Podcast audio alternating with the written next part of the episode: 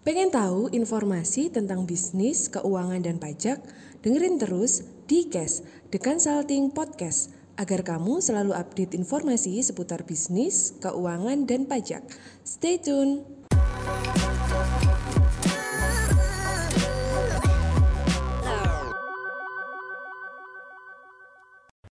Halo guys, kembali lagi dengan saya Alif. Kali ini saya akan menerangkan materi yang cukup menarik mengenai prosedur menentukan harga jual. Kita langsung ke materi guys. Pertama, uh, prosedur menentukan harga jual. Nah, prosedur menentukan harga jual ini dibilang ribet ya lumayan. Tapi kalau kita tahu dasarnya, tahu kuncinya, maka tidak cukup sulit untuk melakukannya, tapi bakal sangat mudah dan simpel untuk dilakukannya. Oke, kalau Anda ribet memikirkan harga jual, maka seperti yang kita tahu bahwa dalam dunia perdagangan, perdagangan ada yang namanya harga jual. Harga jual di sini memiliki peran penting bagi sebuah dagang. Uh, harga jual ditentukan dengan beberapa faktor. Uh, dihitung dari biaya produksi, harga beli, biaya mungkin ada biaya tenaga kerja atau biaya gaji maupun biaya listrik dan sebagainya. Itu salah satu penentunya. Dalam penentuan harga jual, harus dilakukan kebijakan dengan baik agar tidak salah perhitungan. Perlu beberapa pertimbangan yang harus diperhatikan agar bisa menemukan suatu harga jual yang hmm, pas bagi perusahaan sih. Apakah harga jual yang saya berikan kepada masyarakat, kepada pelanggan cocok atau mungkin sangat murah atau mungkin sangat mahal. Murah untung nggak apa-apa turnovernya cepetin. Tapi kalau kita mahal turnovernya lambat maka harus di delete oke ya?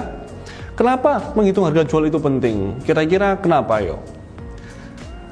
Seperti yang sudah dijelaskan di sebelumnya bahwa besaran harga dibebankan kepada konsumen yang biasanya disebut dengan customer. Nah, berarti harga juga bisa termasuk dengan besaran konsumen dengan uh, permintaan mereka.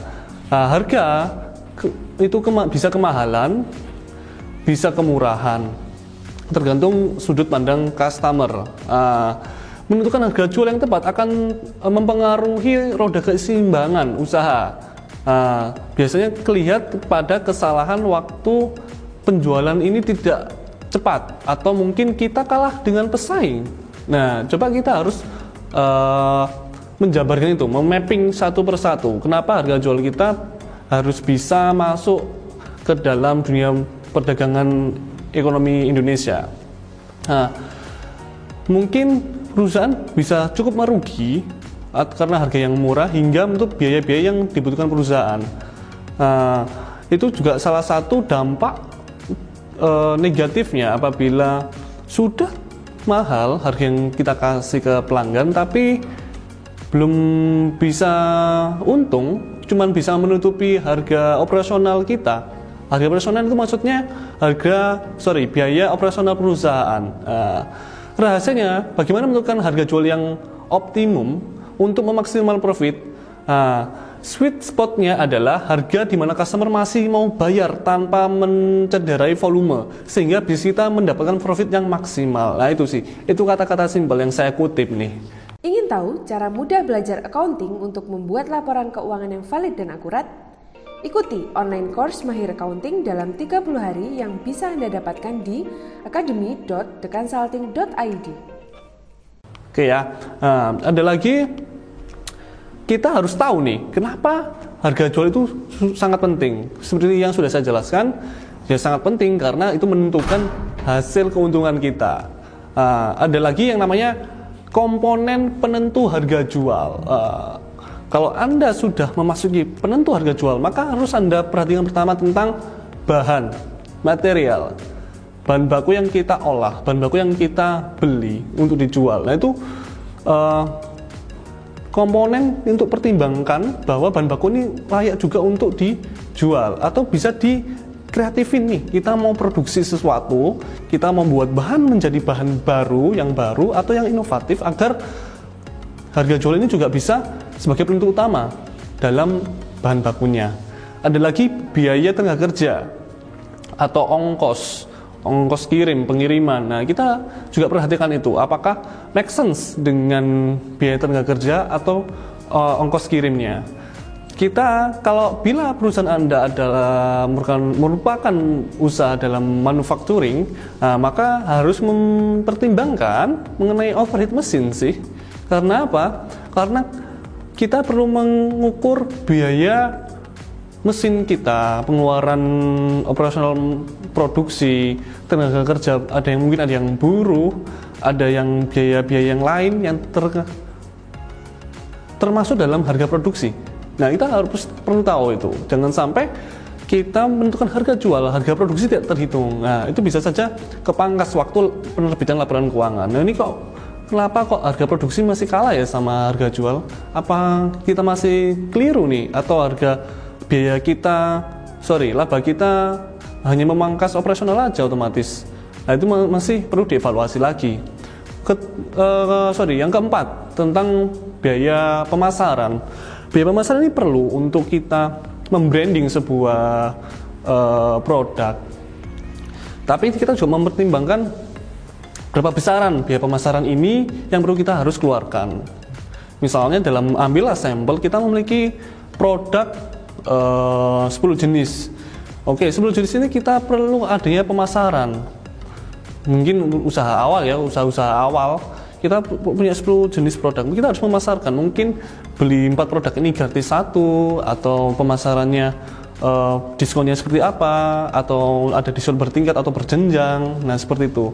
Kita harus mempertimbangkan profitnya berapa uh, biayanya dan pemasaran itu berapa untuk penjualan satu uh, produk yang kita pasarkan. Atau mungkin uh, tidak hanya diskon bazar mungkin juga bisa bisa mendapatkan. Kalau anda beli di sini bisa mendapatkan promo ini ini. Nah itu banyak sekali jenis-jenis untuk uh, pemasaran. Itu juga salah satu untuk tentu harga jual. Biaya biaya pemasarannya ya. Oke ya. Yang kelima adalah uh, tentang keuntungan. Ini kita harus menentukan keuntungan perusahaan. Ini kita mau dalam bentuk keuntungan berapa persen nih dari barang dulu? Dari bahan dulu setelah dari bahan kita naikkan ke harga biaya biaya apa biaya mengenai operasional. Nah, operasional kita berapa? Secara nominal. Nah, kita bisa menentukan saya ingin secara laba saya menginginkan untung 20% misal. Nah, 20% ini Anda juga bisa harus menentukan harga pokok penjualan produksi maupun operasionalnya. Juga Anda harus mempertimbangkan yang terakhir tentang retur.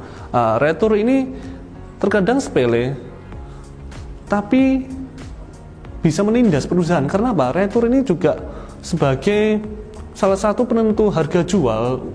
Apakah retur ini semakin banyak terjadi? Apakah harga jual kita juga semakin make sense, semakin cocok? Nah, kita harus pertimbangan juga. Oke okay ya. Untuk komponen ini Anda pertimbangkan. Kalau Anda merasa, Pak, saya ada komponen lain nih, mungkin mungkin ada komponen ini nih yang perlu kita masukkan. Monggo. Bisa Anda tulis di komen ya. Apakah uh, komponen itu masih dalam penentu harga jual juga bisa.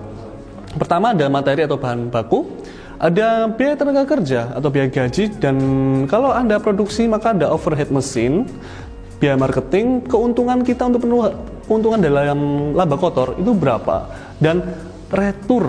Nah, itu ya. Itu yang perlu Anda uh, catat komponennya. Oke, Nextnya kita mungkin bakal bahas mengenai bagaimana cara menentukan harga jual yang tepat. Pertama persediaan dong, kita harus tentu persediaan barang nih. Uh, kalau dalam menentukan harga jual kita udah komponen, sekarang caranya. Nah kita lihat persediaan barang. Persediaan barang kita memiliki barang. Kalau kita distributor berarti kita melihat persediaan barang yang sekarang. Dan persediaan barang yang mungkin nanti ter akan terjual itu berapa. Kita harus punya ekspektasinya, kita harus punya strategi untuk memasarkan juga. Kedua kita mempertimbangkan mengenai kompetitor. Nah, kompetitor itu mungkin uh, bukan hanya untuk oh ini pesaingku. Nah, kita harus tahu juga nih harga yang dipasarkan oleh kompetitor dalam satu jenis usaha yang sama ya. Jangan sampai anda uh, jual gergaji tapi anda kompetitornya lihatnya sampo kan jauh beda. Nah, maka harusnya yang satu lini usaha ya misalnya anda ya furniture ya coba lihat yang usaha furniture gitu ya terkadang ada yang lucu sih oke ya yang ketiga komponen yang berikutnya mengenai sensitivitas atau menganalisa atau mengukur kelayakan produk yang akan dijual. Nah, ini apakah layak? Kita perlu pertimbangan itu. Jangan-jangan Anda menjual yang belum layak ini. Apa mungkin barang cacat karena belum ada QC, ada SOP yang belum tepat. Nah, perlu diperhatikan. Terus kita harus melihat melihat mengenai kapasitas konsumen. Apakah konsumen ini akan membeli bahan ini sering?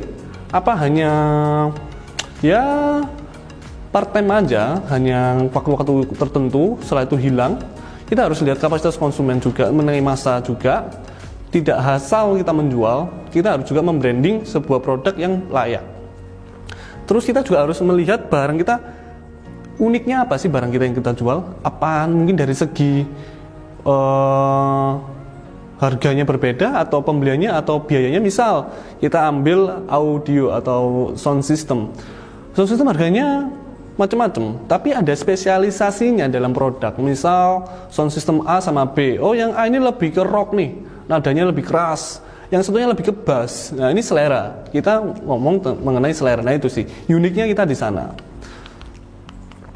nah itu sih untuk gimana kita harus uh, bisa menentukan harga jual materi ini sangat simpel dan anda tidak perlu memikirkan ribet-ribet lagi karena apa? Sudah bisa terukur oleh apa? Terukur oleh persediaan barang, persediaan barang Anda hingga terjualnya, kompetitor Anda harganya jualnya berapa, dicocokkan dengan uh, perusahaan kita, perusahaan yang Anda miliki sekarang, apakah operasionalnya cocok dengan harga segitu, apakah memiliki ya nilai yang sangat baik, cukup, atau sensitivitasnya gimana?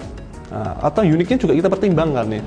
Nah, dalam uh, komponen ini Anda perlu tahu beberapa mengenai penjualan. Penjualan ini klausalnya atau kasusnya sering banyak macam-macam terjadi mengenai harga jual yang terlalu tinggi atau yang murah atau terkadang terlihat tinggi tapi bisa murah. Nah, itu tergantung perusahaan Anda dalam menentukan harga jual. Uh, harga jual mau tinggi rendah atau mau terlihat gaya baca orang mau melihat biasanya seperti ini sih promosi-promosi ya kita lihatnya itu uh, ketika promosi oh harganya ini rendah ya tapi kalau kita total mungkin hampir sama atau mungkin selisih-selisih sedikit nggak banyak uh, itu mungkin ada apa ya gaya untuk copy uh, writingnya penulisannya itu dalam promosi seperti apa ide-ide strateginya seperti apa itu perlu dipertimbangkan juga Ya, semoga komponen-komponen ini dan cara tips-tips ini bisa membantu Anda dalam pengembangan bisnis Anda untuk penentu harga jual dan bisa digunakan dalam SOP-nya. Mari kita giat-giat uh, untuk mengoreksi perusahaan apakah sudah pantas harga jual saya.